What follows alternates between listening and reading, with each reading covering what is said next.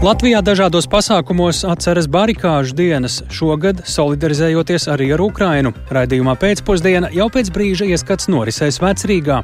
Šodien mūsu modernajā vēsturē viens no tādiem skaistākajiem mirkļiem. Nu, bet šodien, protams, vēl cita nozīme klāta. Līdz šim tās bija tikai tādas atmiņas, tagad jau ir jādarbojas, jāturpina tā pati cīņa pret tiem pašiem pretiniekiem.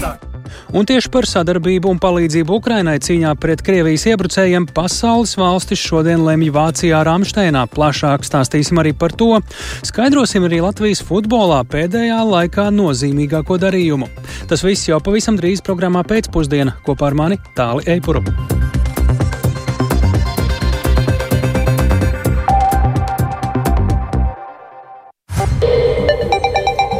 Labdien, pulkstenis ir 16,5 minūtes, skan pēcpusdienas ziņu programma, skaidrojot šodienas svarīgākos notikumus. Studijā tālāk Eipors. Labdien! Šodien Latvija atceras 1991. gada janvāra barikādes. Dažādi pasākumi notiek jau visu nedēļu, taču Rīgā šodien ir atceras pasākumu kulminācija. Doma laukumā jau šorīt iedegts ugunskurs, atklāta izstāde barikādes Latvijā un 1991 un barikādes Ukrainā 2014-2022. Notiek arī sveču liešana Ukrainas karavīriem un vēl citas aktivitātes. Vecrīgā valdošo noskaņu klausāmies Agnijas Lāsdiņas ierakstā. Es esmu no Kokneses. Jūs atbraucāt šodien speciāli, jā, senioriem salasīju. Un vēl būs grupiņa pēc 12 no Kokneses novada ir šiem. Jau no agra rīta doma laukumā cilvēki pulcējas pie telts, kur var ziedot parafīnu un lietierakumu sveces Ukraiņu karavīriem. Pasākumu rīko biedrība Tavi draugi kopā ar 1991. gada barikāžu atceres muzeju. Rakstnieks Jānis Joņevs, kas ir biedrības dalībnieks un šodien atbildīgs par parafīna kausēšanu, stāsta, ka Ukraiņiem palīdzēt ir ieradušies iedzīvotāji visās trīs paudzēs. Barikāžu diena tā ir mūsu neatkarības atgūšana. Ja? Kāds brīdis, kad spējām mobilizēties, savākties, tā jau bieži negadās. Šodien mūsu modernajā vēsturē viens no tādiem skaistākajiem mirkļiem. Ja? Nu, bet šodien, protams, vēl cita nozīme klāta. Līdz šim tās bija tikai tādas atmiņas, tagad jau ir jādarbojas, jāturpina tā pati cīņa pret tiem pašiem pretiniekiem. Sildoties pie ugunskura, aplūkojot ceļojošā autobusa un fotografiju izstādi, kas stāsta par barikāžu notikumiem Latvijā un Ukrainā, cilvēki gremdējas atmiņās, uzsverot, ka šo notikumu aizmirst nedrīkst. Nu, es pati piedalījos barikādēs, man ir arī piemiņas teikt, dalībnieka goda zīme iedota. Tā kā zinu, kas tas ir pats stāvēs Zaķisalā. Nu, ko mēs apskatāmies, atceramies, kā toreiz paši darbojamies barikāžu laikā. Un par pagātni jāstāsta un jārunā. Bez pagātnes nebūs nākotnes. Tas ir ārkārtīgi nepieciešami, jo to vienkārši nu, nedrīkst aizmirst. Tas būtu noziegums, ja kāds to pēkšņi aizmirstu. Pasākumos aktīvi piedalās arī skolēni no dažādām skolām, kas ne tikai interesējas par savas valsts vēsturi, bet arī lai sveces, lai palīdzētu Ukrainai. Agnija Lazdiņa, Latvijas radio. Dzirdējām atskatu uz barikāžu atceres pasākumiem dienas pirmajā pusē, pat labam, tepat pie radio mājas dzirdam, ka Doma laukumā notiek jau labu laiciņu arī koncerts, bet šobrīd kolēģi Agnija Lazdeņa jau atrodas pie saimas nāma, jo tieši tur pirms dažām minūtēm ir sākusies barikāžu atmiņu ugunskura iedegšana, un tieši tur pie toreiz augstākās padomas pirms 32 gadiem bija viens no svarīgākajiem barikāžu punktiem. Agnija stāsti, ko tu šobrīd redzi pie saimas nama? Jā, nu pat pasākums ir sācies un jau ir iedegts atmiņu ugunskurs, pie kura tad vēlāk dalīsies cilvēki atmiņās, kas tolaik strādāja radio, televīzijā, drukātajā presē, kā arī kino cilvēki vai arī augstākās padomas preses centra darbinieki. Un šogad pasākums tiek veltīts barikāžu tādai kā transformācijai, izmaiņām vēsturiskajās cilvēku atmiņās, un to vadīs atmodas laika līderis Dainis Īvāns. Un tāpat arī tiks demonstrēti spēļu filmas janvāris fragmenti, un klātesošos arī uzrunās pats filmas režisors Viesturs Kairišs, un arī dokumentālists uh, Zigurds Vidiņš, kura uzņemtie vēsturiskie kadri ir iekļauti spēļu filmā. Un tāpat arī piebildīšu, ka zīmīgi tu, tiek turpināta tradīcija arī šogad, uh, proti tiek vārīta zupa un tiek izdalīta klātes klātesošajiem cilvēkiem, kas ir ieradušies dalīties ar saviem atmiņas stāstiem. Es pieļauju, ka var dzirdēt arī uh, no attāluma doma laukumā notiekošo koncertu, kur arī diezgan daudz cilvēku, cik daudz cilvēku un kādi cilvēki, uh, kādus cilvēkus tur redzi, jaunieši, vecāki cilvēki.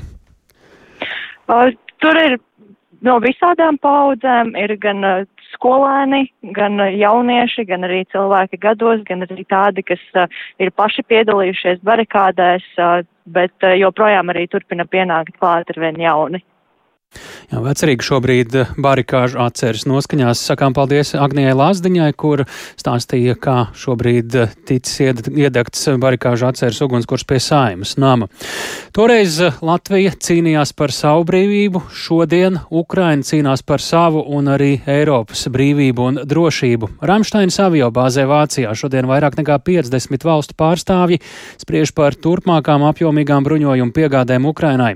Vairākas valstis pēdējo dienu laikā laikā paziņojušas par dažāda veida militāro palīdzību Ukrainai, tomēr aktuālākais jautājums vēl līdz šai sanāksmei bija tanku piegādes. Jaunais Vācijas aizsardzības ministrs Boris Pistorius šodien sanāksmē pavēstīs, ka nav pieņemts lēmums par tik ļoti gaidītajām Vācijā ražoto tanku Leopardu piegādēm Ukrainai. Lai noskaidrotu vairāk par Ramsteinā notiekošo un lēmto, esam sazinājušies ar kolēģi Rihārdu Plūmi. Sveiks, Rihārd! Kas šobrīd ir svarīgākais, kas mums būtu jāzina? par Ramsteinā notiekošo?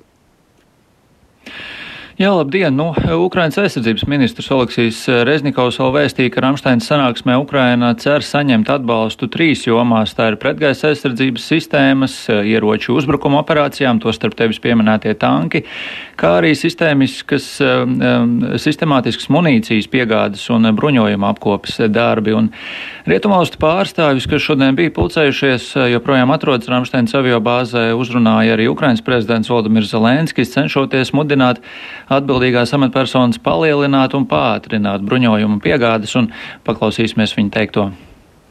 I'm grateful to you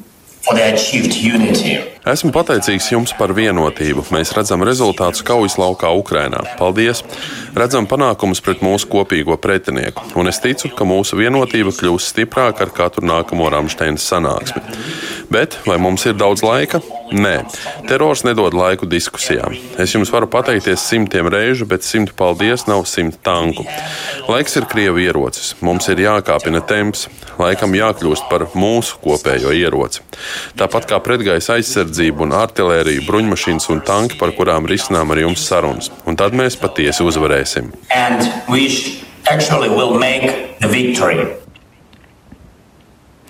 Jā, nu, ASV un vairākas Eiropas valstis jau pirms sanāksmes paziņoja par papildu militāro palīdzību Ukrainai, lai tā varētu efektīvāk cīnīties pret Krievijas agresiju, un daudzas Eiropas valstis ir paziņojušas par vairāku simtu miljonu eiro vērtu papildu militāro palīdzību Ukrainai. Savukārt ASV ir paziņojusi par bruņojumu piegādēm Ukrainai 2,5 miljārdu dolāru apmērā, un lūko sacīja ASV aizsardzības ministrs Aloits Ostiņš šorīt. Šis ir izšķirošs brīdis Ukrainai, izšķiroša desmitgada pasaulē. Tāpēc nešaubieties, mēs atbalstīsim Ukrainas pašaizsardzību tik ilgi, cik tas būs nepieciešams. Un šodien esmu priecīgs paziņot par vēl vienu nozīmīgu jaunu ASV drošības palīdzības paketi, kas palīdzēs apmierināt Ukrainas steidzamākās vajadzības kaujas laukā. Šīs jaunās drošības palīdzības paketes vērtība - 2,5 miljardi ASV dolāru. $2.5 billion. Jā, nu tomēr, tu kā minēji iepriekš, uzmanības centrā ir šīs tanku piegādes Ukrainai, un jau pirms šīm sarunām pieaugs spiediens tieši uz Vāciju, lai tā piekristu savu tanku Leopard 2 piegādēm Ukrainai, un Ukraina mēģina panākt šīs tanku piegādes, lai pastiprinātu pretuzbrukums Krievijas karaspēkam. Uh, bet, nu, jaunais Vācijas aizsardzības ministrs Boris Pistorijus uh, šodien vēl pirms um, nepilnām divām stundām izteicās, ka tajā, prot, sanāksmē nav ticis pieņemts lēmums par šo tanku Leopardu piegādēm Ukrainai. Viņš nevarot pateikt, kad tiks pieņemts šāds lēmums un kāds būs lēmums par Leopardu tankiem, bet pēc viņa teiktā esot argumenti gan par, gan pret tanku piegādēm Ukrainai, kur tos izvirza dažādas valstis un esot radies nepareizs iespējas par to, ka Vācija esot vienīgā, kas bloķē tanku piegādes Ukrainai. Iespējams, vēlāk tiks pieņemts lēmums par to, ka šādi tanki tiks, šādus tankus tiks atļauts piegādāt citām valstīm, taču pagaidām šāda lēmuma nav. Tātad visas acis um, Olafa Šolca, Vācijas kanclera virzienā par to, kāda lēmuma var būt sekos nākamajās dienās vai nedēļās. Noslēgumā jāmin, ka jau aptuveni pēc stundas norisināsies preses konference pēc šīs sanāksmes, kurā tad varēsim droši vien vēl konkrētāk uzzināt, kādas diskusijas ir bijušas un kādi lēmumi ir šodien pieņemti Vācijā. Visa uzmanība Ramšteinai Vācijā. Paldies Rihardam Plūmēm. Atgriežamies no Vācijas, tepat Latvijā. Saimas namā janvāra beigās taps 14. saimā pirmā parlamentārās izmeklēšanas komisija. Saimas opozicionāru Latviju pirmajā vietā frakcijas vadītājs Eners Lesers savācis 34 deputātu parakstus izmeklēšanas komisijas izveidei. Mērķis pievērsties finanšu sektora kapitālā remonta sekām un vairāku banku darbības beigām. Šlesers sola rosināt vēl citas izmeklēšanas komisijas. Saimā gan atšķiras domas par šādu izmeklēšanas komisiju liederību un pienesumu, un par to vairāk Jāņa Kīņš sagatavotajā ierakstā. Idejas iniciators Ainārs Šlesters no Latvijas pirmajā vietā atgādina, ka pirms vēlēšanām solījis organizēt vairākas parlamentārās izmeklēšanas komisijas. Nepieciešamie 34 deputātu paraksti šīs komisijas izveidošanai savākt ir nolūku izvērtēt finanšu sistēmas tā saucamo kapitālo remontu, kad sakārtoja finanšu noziegumu novēršanas sistēmu un izpildīja rekomendācijas banku sistēmas reputācijas atjaunošanai. Taču rezultātā Latvijā uzņēmēji un iedzīvotāji saskars arī ar dažādiem sarežģījumiem, uzsver Šlesters. Daudz daudziem Latvijas iedzīvotājiem nepamatot ir aizvērti konti. Ir grūtības atvērt vienīgo kontu gan privātpersonām, arī uzņēmumiem radušās problēmas. Rezultātā mēs redzam to, ka Igaunijā un Lietuvā situācija ir pavisam savādāka, jo arī tagad, kad ārvalstu investori vēlas uh, uzsākt biznesu Latvijā, viņu darbība ir apgrūtināta, jo kontu atvēršana prasa ilgu laiku un pārāk lielu birokrātiju. Tā ir kārtējā letiņu tāda pārcentība. Izmeklēšanas komisija pievērsīsies arī vairāku banku, ABLV bankas, PNB bankas un Baltika International banku darbības izbeigšanas iemesliem. Parlamentārās izmeklēšanas komisija var iztaujāt dažādas esošas un bijušas amatpersonas. Pēc dažiem mēnešiem komisijai būs jānāk klajā ar gala ziņojumu par secinājumiem un ieteikumiem. Grūti gan novērtēt, kāds būs Lesera rosinātās komisijas pienesums. Sarunā Latvijas radio pauda jaunās vienotības frakcijas deputāts Rihards Kozlovskis. Viņš Viņš iepriekš vadījis izmeklēšanas komisiju par valdības rīcību Covid-19 pandēmijas pārvarēšanā. Pašlaik nav man pārliecība, ka tas tiek darīts tiešām, lai ļoti objektīvi izvērtētu finanšu sistēmas kapitāla remontu, kā viņi tā, tā sauc. Mērķis jau beigās arī saskaņā ar likumu ir darbības beigšanām nosūtīt secinājumus, ieteikumus atbildīgajām gan komisijām, gan institūcijām. Tas arī līdzīgi bija no iepriekšējās komisijas, kur mēs nosūtījām arī valdības vadītājiem tieši par cilvēks aizsardzības katastrofu pārvaldīšanas ieteikumu, kas tagad arī ir iekļauts valdības deklarācijā. Iesniegumu par parlamentārās izmeklēšanas komisijas izveidošanu parakstījuši 34 deputāti no opozīcijā esošajām Latviju pirmajā vietā Zaļo un Zemnieku savienības un stabilitātei frakcijām. Progresīvo frakcija nav iesaistījusies. Tās pārstāve kādreizējā konkurences padomas vadītāja Skaidrīta Abram ir skeptiska par jau kādiem ieguvumiem saimnes izmeklēšanas komisijas darba rezultātā. Deputāte gan pieļauj, ka pati varētu piedalīties un likt lietā savas zināšanas balstoties to līdzinē pieredzi. Arī skatoties no malas, ja strādāt arī izmeklēšanas un tirgus uzraudzības iestādi, man vienmēr licies, ka tā ir tāda, nu, diezgan pamatīga naudas tērēšana, ja bez atbildības par to, ka ir kaut kāds mērķis jāsasniedz, ir kaut kāda uzdevuma jāsasniedz. Pieļauju, ka tur var arī būt kaut kāds zināms politiskas intereses, un varbūt, kas ir kā politisks rīks, tas zināmā mērā arī no neutralitātes ir attālinās. Komisijā būs jāpiedalās pārstāvjiem no visām septiņām saimas frakcijām. Valdošajai koalīcijai ir trīs frakcijām, tajā būs būs mazākums. Komisijas pieteicēji aicinājuši jau 31. janvārī sasaukt saimnes ārkārtas sēdi, lai lemtu par šīs komisijas izveidošanu. Jānis Kincis, Latvijas radio. Tātad eh, bieži piesauktais kapitālais remonts Latvijas finanšu sistēmā. Mēs esam sazinājušies šobrīd ar finansistu Girtu Rungaini, lai taujātu pēc komentāru. Labdien! Labdien! Nu, ja mēs paskatāmies uz to, kādā veselības stāvoklī šobrīd un tīrības stāvoklī eh, ir Latvijas finanšu sistēma, gan no sistēmas viedokļa, gan arī no iepriekš pieminētā uzņēmēju un iedzīvotāju viedokļa, tā ir tādā eh, brīdī, kurš būtu ar, eh, kurā būtu jūtams kādas smagas sekas un kaut kas izmeklējams. Nu, Es domāju, ka šis ir tīri uh, politisks vingrojums, lai mums ie iezīmējas, kā saka, šī te alternatīvās koalīcijas kodols. Un, nu, rezultāts šai te esošai kn knapvaldībai, respektīvi ārkārtīgi nelielajai ko koalīcijai, ka viņi nes nespēja varbūt, kas saka, novērst un attiecīgi arī iegūt vairākumu un varbūt kontrolēt šo dienas kārtību, līdz ar to šādi nepatīkami momenti no uh, opozīcijas ir sagaidām. Bet, bet mērķis ir skaidrs, tas ir vienkārši atrasties uzmanības centrā, informācijas um, plūsmā. Um, re, realitāte ir tāda, ka ap pirms um, diviem, trim, četriem gadiem, faktiski iepriekšējā saimnes sākumā, šī bija aktualitāte. Uh, un uh, tiešām bija uh, gadījumi līdz pat uh, liel, lieliem uh, Latvijā zinām uzņēmumu vārdiem, kuriem radās problēmas, tika vērti konti, bija problēmas ar, ar maksājumiem, vest savu darbību. Kopš tā laika uh, ir uh, Purmals kundze un FKTK ir izveidojuši šo te rokas grāmatu, kurā ir apkopojas tādas vadlīnijas, kā arī ir zināma tāda uh, izveidota vieta, kur var uh, sūdzēties un, un uh, par, par bankām un par šiem lēmumiem un, un viņus apstrīdēt. FKTK. Tā kā realitāte, protams, ir tāda, ka šīs atbilstības izmaksas joprojām Latvijā ir augstākas un grūtākas nekā šīs, šis process ir grūtāks nekā Lietuvā un Igaunijā. Un ņemot vērā banku tīru skaitu un, un šo vēsturi uh, un, un uzraudzības tradīcijas, nevajag aizmirst, ka gan Igaunijā lielākais Baltijas skandāls naudas atmazgāšanā ir tieši bija Igaunijā saistīts ar, da, ar Danske banku, ja, un, Un arī uh, Lietuva bija tāds, ar kurien uh, Antono kungs ienāca uh, Eiropas Savienībā un kas noveda pie Snoras bankas un Kraibankas bankrota eventuāli un tā tālāk. Tā kā tie uzraudzības režīmi vēsturiski ir bijuši mazāk stingri, zinām, mērā gan Lietuvā, gan Igaunijā. Un, protams, tā mūsu vēsture lielo banku skaitu un banku krīzēm, un, un uh, viņi ir bijusi smagnējāka. Uh, protams, pašreizajā momentā gribētos uzņēmējiem un finansistiem redzēt varbūt kustīgāku, uz, uz nākotni vērsta, vērstu uh, uzraudzību, bet um, šī Šlesera komisija tur neko nelīdzēs.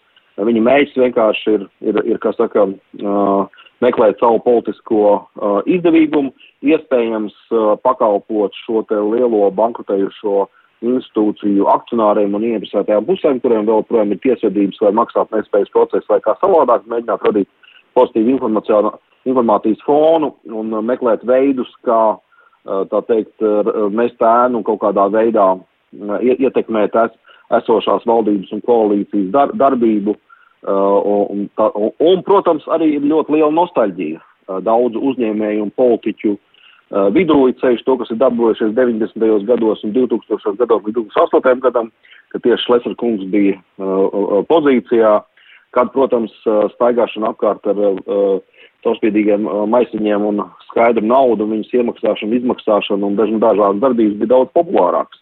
Un daudz to uzskatīja par uzņēmē darbību, kas ir pieeja, pieņemama. Pasaule ir izmainījusies visādos Jā. veidos, un tā skaitā arī ģeopolitiski skaidrs, ka mēs neesam tajā pozīcijā, lai gribētu vājāku režīmu pašreizajā brīdī. Tad eh, šobrīd no jūsu sacītā varam secināt, ka no šīs komisijas izveidošanas uh, praktiskas uh, tādas jēgas valstī arī varētu nebūt. Vai ir kaut kādas detaļas, kas tomēr būtu jāapsver, lai padarītu uzņēmēju dzīvi racionālāku, vienkāršāku, un kur vēl varētu varbūt kādus, nezinu, tos nosaukt par pārspīlējumiem vai šķēršļiem, un te pašā laikā arī neiebraukt atpakaļ jau vecajā grāvī? Nu, šobrīd mums ir iestājies jauns režīms, respektīvi uzraudzība ir atgriezusies Latvijas bankā. Un uh, es domāju, ka saruna par to, kā veidot tālāk šo te uh, nu, apvienotās jau atkal institūcijas politiku, lai veicinātu progresīvas uh, fina, fina, finanšu uh, saka, kompāniju jaunu un uh, varbūt arī institūciju rašanos un pakalpojumu sniegšanu, lai varbūt uh, pārvērst mūs atkal no tādas Skandināvijas nomalas uh, vai perifērijas zināmā mērā par vienu no tām vietām, kur notiek atkal finansu attīstība un pakalpojumi tiek sniegt tieši bez krāpšanās un bez naudas atmazgāšanas. Ja?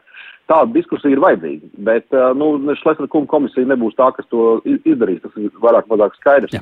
Uh, bet noteikti, ja, ja viņš grib tur piedalīties, droši vien, kad viņš ir runājis par finansu centru izveidu un vēl kaut ko, ja to var izdarīt, tā teikt, Eiropas uh, Eiropai un, un civilizētai pasaulē atbilstošā veidā, nevis, teiksim, tādā Dub Dubais vai, vai, vai, vai citas offshore zonas manierē, tad noteikti to vajag izdarīt. Un mēs viennozīmīgi esam par to, un es domāju, visi uzņēmēji. Paldies par sarunu. Girts Rungainis, finansists programmā pēcpusdiena.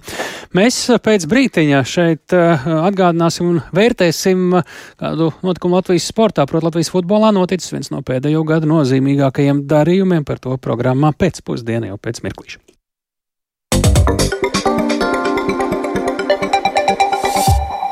Bet pagaidām turpinām vēl ar ekonomiska rakstura un ne tikai ekonomiska rakstura tematiem par dzimumu vienlīdzību un darba tirgu. Sabiedrībā ir dziļi iesakņojušies priekšstati par sievietēm un vīriešiem piemērotākajām profesijām, pienākumiem un viņu spējām, un tas ir viens no iemesliem, kāpēc daudzajādā ziņā starp vīriešiem un sievietēm Latvijā nav vienlīdzības, jo sevišķi nodarbinātības jomā.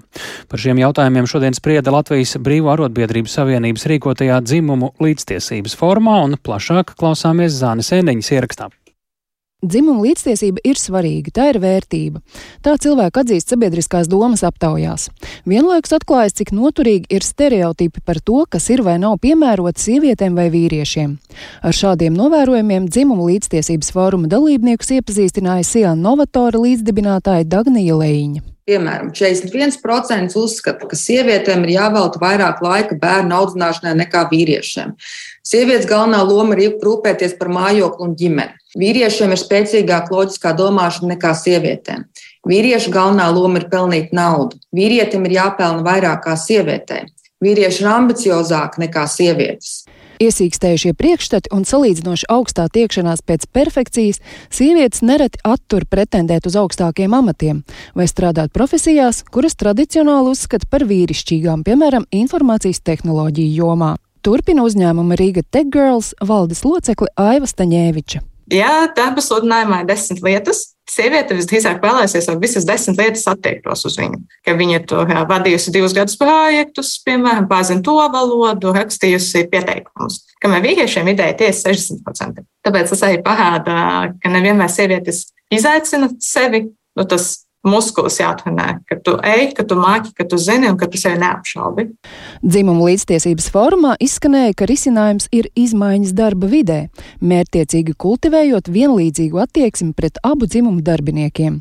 Par iedarbīgu tika atzīta arī tā sauktā pozitīvā diskriminācijas situācijās, kad viena vai otra dzimuma pārstāvja ir izteiktā pārsvarā, kā sievietes izglītības jomā un veselības aprūpē vai vīrieši celtniecībā.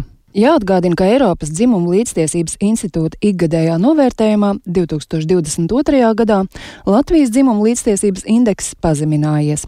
Skalā no 1 līdz 100 tas nokrities līdz 61,4, un tas ir zemāk nekā vidēji Eiropas Savienībā. Zana Eniņa, Latvijas radio. Lai arī situācija Latvijā darba tirgu dzimumu līdztiesības ziņā ir labāka nekā, piemēram, 2010. gadā, tad kopš 2019. gada, nu jau vairākus gadus nevienlīdzība atkal sākus pieaugt. Turklāt šī plaisa pieaug tieši atalgojuma ziņā, un arvien mazāk sieviešu strādā vadošos amatos. Lūdzām Latvijas personāla vadīšanas asociācijas valdes priekšsērētājas Evas Selgas komentāru.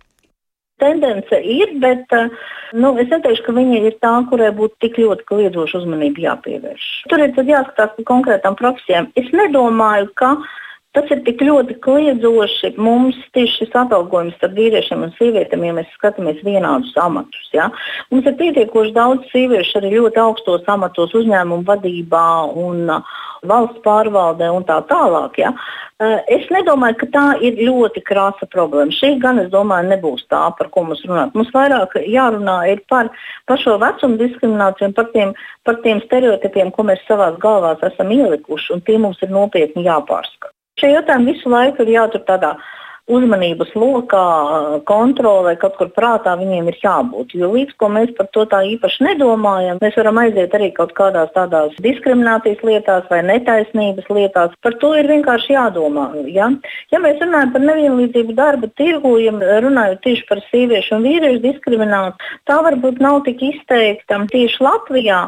Bet es vairāk gribētu Latvijā tieši minēt, ka mums ir šī vecuma diskriminācija. Tā gan mums ir. To nu mēs šobrīd galīgi nevaram atļauties. Jo Mums cilvēku ir ļoti maz. Tas ir vairāk mūsu prātos. Mēs ņemot darbā darbiniekus, domājam, kas priekš mums būs tas labākais, kas būs priekš mums tas ilgtermiņā darbinieks, tas lojālākais. Vērtējot šos aspektus, mēs atkal nonākam pēc tāda vidējā standarta, ka tas ir vīrietis, plus mīnus 40 gadi, ar augstāku izglītību, precējies. Darba devēja grib stabilu darbinieku. Un, ja ir stabils darbinieks, mēs atkal ievērojam kaut kādus tos savus standartus, kas priekš mums ir šis stabilais darbinieks, un tad mēs aizējām arī tajā diskriminācijas momentā. Tā Eva Sēlga, Latvijas personāla vadīšanas asociācijas valdes priekšsēdētāja, bet ja palūkojamies uz vīriešu un sieviešu nodarbinātību, tad tieši šodien publicēti jaunākie bezdarba eh, dati apkopoti, tā skaitā par decembri, un redzam, ka vīriešu vidū bezdarba līmenis decembrī pat bijis augstāks nekā sieviešu, turklāt tas ir arī pieaudzis par 0,4% punktiem, sasniedzot 7,8%, bet sieviešu vidū bezdarbs decembrī saglabājies nemainīgs, tie bija 6,4%. Par citu svarīgāko bezdarba statistiku esam sazinājušies ar Santu Zaļkalni, Centrālās statistikas pārvaldes sociālās statistikas departamenta darba spēka apsakojuma eksperti. Labdien! Uh, labdien! Kāds ir bijis faktiskais un reģistrētais bezdarba līmenis Latvijā decembrī kopumā, un kā tas ir mainījies, gan ja paskatāmies salīdzinājumā ar novembri un salīdzinājumā ar gadu iepriekš? Jā, nu, Kopumā kopš 22. gada vasaras bija novērojama tāda bezdarba līmeņa samazināšanās, taču uz gada noslēgumu tas tomēr nedaudz pieauga. Gan novembrī, gan decembrī. Nu, lūk, un tad eh, decembrī faktiskā bezdarba līmenis Latvijā bija 7,1%, un salīdzinājumā ar novembri tas pieauga par 0,2% punktiem, bet salīdzinot ar 21. gadu decembri tas ir samazinājies par 0,3% punktiem. Jā, un bezdarbnieki mums bija 68,8 tūkstoši, kas ir par 1,6 tūkstošiem vairāk nekā novembrī, bet tieši tikpat daudz, cik 21. gada decembrī. Uh, vīriešu bezdarbnieku skaits mēneša laikā palielinājās par 1,9 tūkstošiem līdz 37,9 tūkstošiem, taču sieviešu samazinājās par 0,3 tūkstošiem līdz 31,2 tūkstošiem. Jā, nu mēs šeit uh, pieminējām atšķirības starp vīriešiem un sievietēm, kas vēl ir redzams, uh, ja mēs paskatāmies arī uz nozarēm, vecumu, arī uz Latvijas reģioniem īsumā. Mm -hmm. nu, šobrīd es tādus konkrētākus datus nevarēšu pateikt, jo mēs februārī, tagad 24. publicēsim par 2022. Eh, gada 4. ceturksni un 22. gadu kopumā. Tad jau būs uh, vairāk tāda skaidrāka situācijas analīze. Bet nu, mums visu laiku ir bijusi tā tendence, ka vīriešiem ir augstāks tas bezdarba līmenis nekā sievietēm. Un tas ir saistībā gan ar to, ka vīrieši strādā vairāk tādās profesijās un uzņēmumos, nozarēs, kas Uh, bija gan pakļautas uh, dažādai darbinieku skaita samazināšanai, darbības sašaurināšanai vai pat pārtraukšanai, ko mēs redzējām gan ar Covid, gan ar šo kardarbību Ukrainā, kad ir ierobežota izēvielu un materiālu piegāde. Tāpat arī vīriešiem ir izteiktāk tas, ka viņi strādā tādās specifiskākās uh, nozarēs, kas ir piemēram dažādi iekārtu un mašīnu operatori un izstrādājumu montieri. Tur arī ir eh, tā sarežģītāk tomēr atrast atbilstošu darba vietu. Sievietes atkal dominē mums tādās nozarēs kā veselība, sociālā aprūpe. Līdz ar to arī ir vērojams šīs atšķirības bezdarba līmenī at, atšķirībā no dzimuma. Lielas paldies par sarunu. To mēs sakām Santai Zaļkalnē, Centrālās statistikas pārvaldes sociālās statistikas departamenta darba spēka apsakojuma ekspertei. Par 120 miljoniem lielāks apgrozījums un par teju 10% lielākas investīcijas. Tā pagājušo gadu aizvadīja Rīgas kapitāla sabiedrības, kas galvaspilsētas budžetā, jeb pilsētas lielajā naudas makā iemaksāja vairāk nekā 6 miljonus eiro. Un te jāpiemina, ka šādas dividendes galvaspilsēta saņem pirmo reizi pēc tam, kad tika noteikts, ka kapitāla sabiedrības 40% no savas peļņas atmaksā pašvaldībai. Tikmēr Rīgas apkaimja alianse aicina domāt ne tik daudz par šādiem ienākumiem, bet gan par šo uzņēmumu sadarbību ar iedzīvotājiem un darbības kvalitāti. Vairāk Viktora Demidova ierakstā. Galvaspilsētas paspārnē ir 12 kapitāla sabiedrības, piemēram, Rīgas satiksme, Rīgas nama pārvaldnieks, Rīgas meža un Rīgas ūdens. Tie ir svarīgi uzņēmumi pašvaldības attīstībā un drošībā. Domē informēja, ka šajos uzņēmumos pērn apgrozījās vairāk nekā 660 miljonu eiro, un tas ir vismaz par 20% vairāk nekā 2021. gadā. Taču jāņem vērā, ka to ietekmēja ievērojamais cenu kāpums. Pērn pabeigta arī četru kapitāla sabiedrību pārveidošana. Turpina turpina pilsētas izpildu direktors Jānis Lange. Tie Rīgas nami, kuriem pievienot Rīgas pilsētu būvnieks, Rīgas centrāla tirgus un Rīgas servis. Un jāsaka, šī reforma bija ļoti veiksmīga. Mēs iekļāvāmies gan noteiktajā laika grafikā, gan attiecīgi arī šīs četras kapitāla sabiedrības ir apvienotas. Mēs redzam, ka apvienošanas rezultātā ietekme uz šī gada budžetu varētu būt aptuveni 1 miljons eiro, jo administratīvās funkcijas ir mazinājušās, un darbinieku skaits ir samazinājies aptuveni par 30 darbiniekiem. Savukārt viens no būtiskākajiem notikumiem bija dividendes, jeb nauda, kas no uzņēmumiem nonāk pašvaldības budžetā un attiecīgi ietekmē arī pilsētas attīstību. Tātad no uzņēmumiem Rīga saņēma vairāk nekā 6 miljonus eiro. Jāatzīmē, ka šādas dividendes galvaspilsēta saņem pirmo reizi, jo vēl nesen bija pieņemts lēmums, ka uzņēmumi 40% no savas peļņas maksā pašvaldībai. Savukārt, kāda ir uzņēmuma sadarbība ar iedzīvotājiem, jautāju Rīgas apkaimju alianses vadītājam Mārim Jansonam. Atsevišķas kapitāla sabiedrības ir tiešām uzlabojušas darbu. Gribu izcelt Rīgas mežus un uh, Rīgas ūdeni. Man personīgā pieredze šogad ar Rīgas nama pārvaldnieku saistībā ar mājas renovāciju bija negatīva. Tā sistēma ir tik smagnēja, ka tādas lietas, kuras, teiksim, privāti uzņēmumi aizdarītu vienas dienas laikā, viņiem aizņem 6-7 nedēļas. Uzņēmumos, kuros pārmaiņu koalīcija ir nomainījusi vadību, ir novērojamas pozitīvas izmaiņas. Savukārt, kur tas vēl nav izdarīts, uzņēmuma darbs nav līdz galam caurskatāms, un tie nav interesēti sadarboties ar cilvēkiem. Tā uzskata Jansons, norādot, ka krietnais apgrozījuma pieaugums viņa prāta pašvaldības darbībā ir mazsvarīgs var uzlikt neadekvāti lielas cenas, palielināt apgrozījumu. Tev nevar sazvanīt neviens iedzīvotājs stundām, un tev ir ļoti labs apgrozījums, un iedzīvotāji ir līdz Baltkvēlē nikni, un pakalpojums ir dārgāks nekā citiem. Nu, tas ir sliktākais gadījums. Ja? Tāpēc nu, apgrozījums man liekas, nu, tiešām tāda lieta, par kuru nevajadzētu lepoties, ceļš inflācijas apstākļos. Ir nepieciešams sistēmiski risināt to, cik labi tiek pārvaldīts. Ir jābūt uh, kaut kādai tādai pieeja no augšas, kas tiešām skatās uz būtisko, vai tās kapitāla sabiedrības tikai domā par savām interesēm un peļņu, vai arī tiešām viņas strādā uz iedzīvotāju. Pašvaldība problēmas izprotot un kā vienu no šī gada būtiskākajiem plāniem izvirza uzņēmumos turpināt atlasīt valdes un padomes, lai iedzīvotāju apmierinātība augtu. Viktors Demidovs, Latvijas radio. Tātad dzirdējām par virkni pārmaiņām un arī nepārmaiņām Rīgas pašvaldībā. Kapitāla sabiedrībās precīzāk, un mērķis eh, ir, lai tās darbotos caurspīdīgāk, saprotamāk, iedzīvotājiem draudzīgāk, nu, pašvaldība gan šodien uzsvēra tieši finanšu ieguvumus.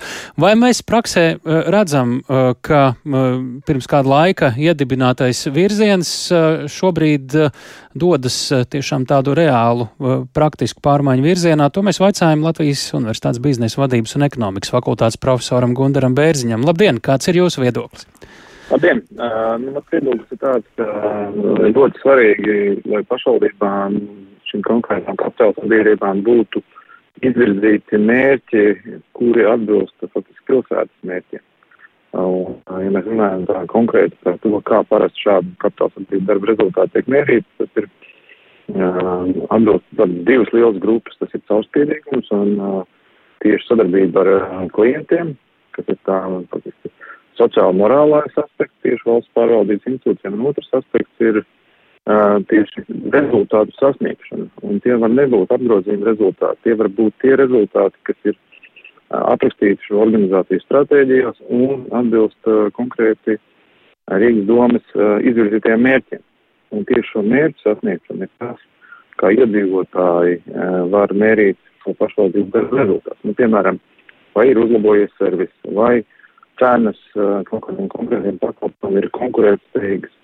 Latvijas reģionā, Latvijas, uh, nu, teiksim, starp Latvijas pašvaldībām, starp Baltijas pašvaldībām. Un, ja šādus mērķus uzstāda un šādi mērķi tiek sasniegti, tādu mēs varam teikt, jā, šīs konkrētas pašvaldības strādā šajos divos lielajos virzienos atbilstošā kvalitātē. Un, uh, es teiktu, ka tas ir tas virziens, kur es saprotu pašvaldības šodien prezentēja, un uh, arī tas ir tas virziens, kurā viņas dodas. Vai uh, ir redzamas pazīmes, kas liecina, ka turpmāk tie augļi, uh, uzņemot šādu virzienu, būs arvien taustāmāki tiem pašiem iedzīvotājiem, saņemot pakalpojumus? Un uh, tad, lai, tas, lai mēs tiešām varētu saprast, kādi ir šie augļi, būtu jādara divas lietas.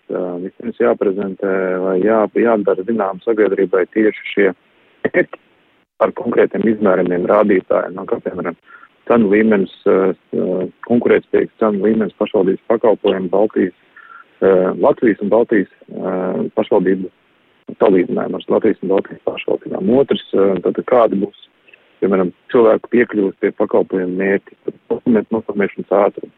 Šādus rādītājus nododot zinām, darot zināmas Latvijas iedzīvotājiem vai konkrētās pašvaldības dalībniekiem, dalībniekiem iedzīvotājiem.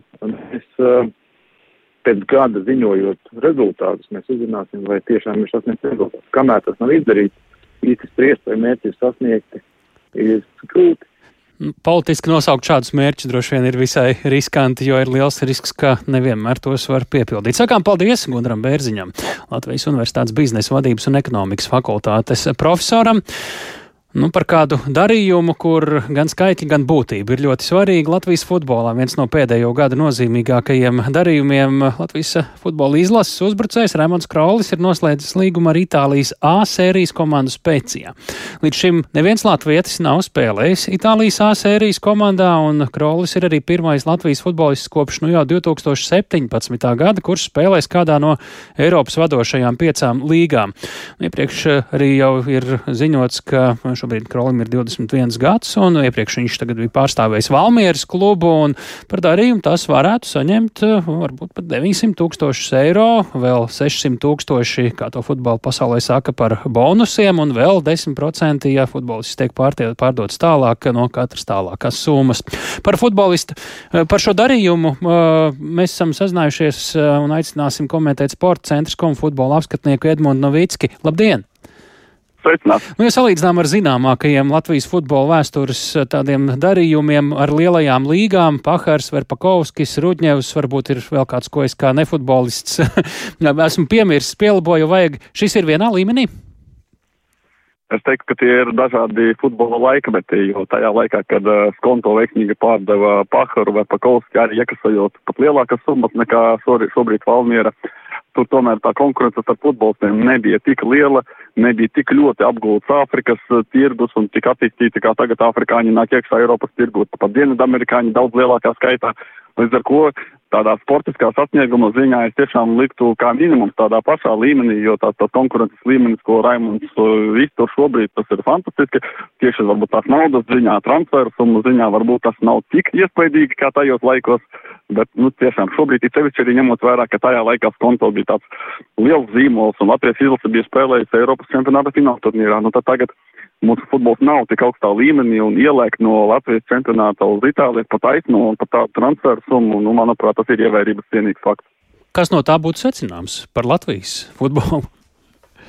Es tas... teiktu tā, ka galvenais pirmais secinājums, ka no Latvijas čempionāta var ieliekt šajā lielajā vilcienā, tas nenozīmē, ka ja tu esi Latvijas čempionāts spēlētājs, ka tev jābūt pieticīgam, ka tu vari tikai varbūt spērt mazu solīti un tikt varbūt uz kādas netālas kaimiņu valsts, uz Poliju vai Čehiju vai kaut kas tam līdzīgs, ka ir iespējams spērt arī plātu soli, kādu ir spēris uh, Raimonds Krolis.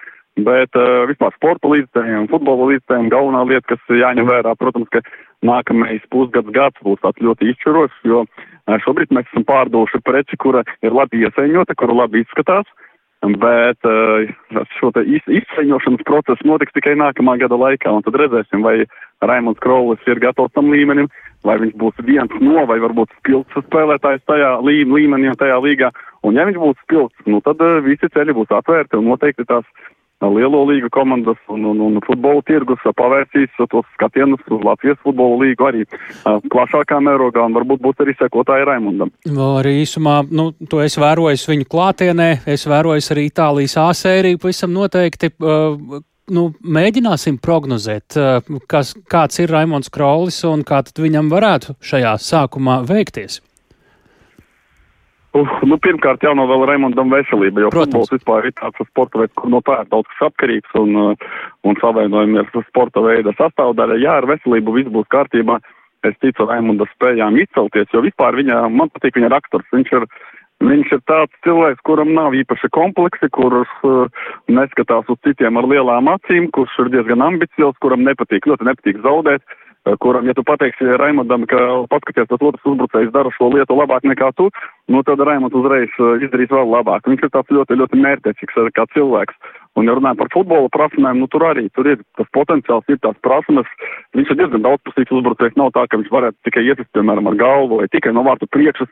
Viņam ir gan tālsatiens, eh, viņš ir kreilis, kas arī tādā futbolā varbūt tāds kā mazs bonus, viņš jau salīdzinās ar retums Viņš var dot arī piespēli uz komandu nospēlēt. Viņš iet pretī lauko dziļumā, var pie vārtiem, labi nospēlēt. Diezgan daudz pusīgs interesants futbolists. Nu, un, protams, tālāk jau analizēsiet jūs sporta kolēģi, tepat Latvijas radio sporta centrs kom, kā tad par šīm finansiālajām lietām Valmieras klubam, bet tas jau citu raidījums. Tās sakām lielu paldies Edmundam Novickim, sporta centrs kom futbola apskatniekam, un sakām arī paldies, ka klausījāties raidījumu pēcpusdienu. To veidoja Tāls Eipurs, Ilza Aginta, Uldis Grīmbergs un um, Kārls Rašmanis. Un, ja, protams, ja vēlties šo raidījumu noklausīties vēlreiz vai ieteikt dzirdēt to citiem, veriet vaļā Latvijas radio viens lietotni vai meklējiet mūsu podkāstu lietotnēs. Yeah.